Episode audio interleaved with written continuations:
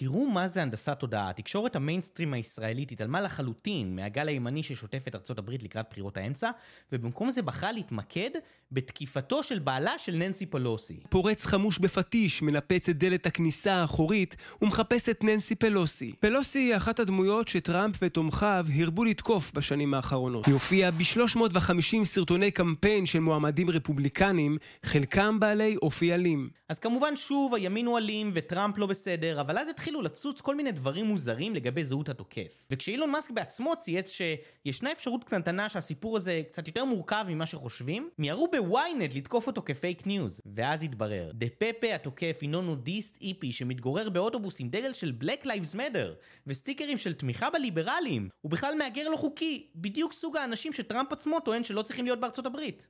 אבל תקשורת המיינסטרים הישראלית לא תדווח על הממצאים החדשים, כי ככה עובדת הנדסת תודעה.